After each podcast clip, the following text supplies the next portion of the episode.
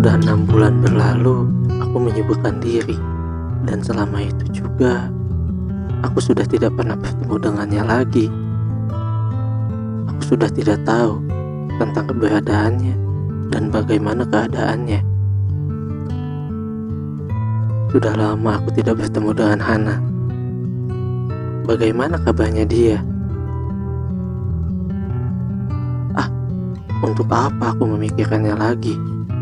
Karena sudah jelas dia sudah pasti dengan kekasihnya itu. Untuk apa aku harus memikirkan orang yang sudah bahagia dengan orang lain?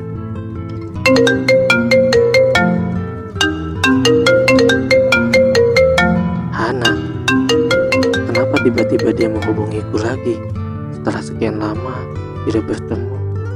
Halo, Andi. Iya, Han. Kamu ke mana aja?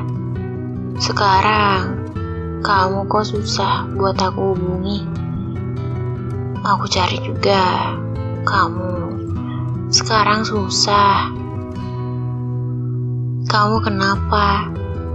Masih marahkah? Kamu sekarang di mana, Andi? di tempat biasa.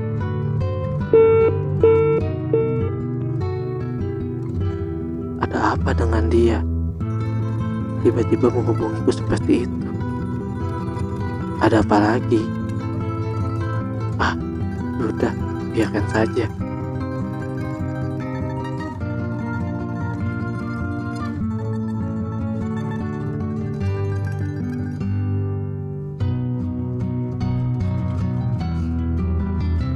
Tiga puluh menit pun berlalu.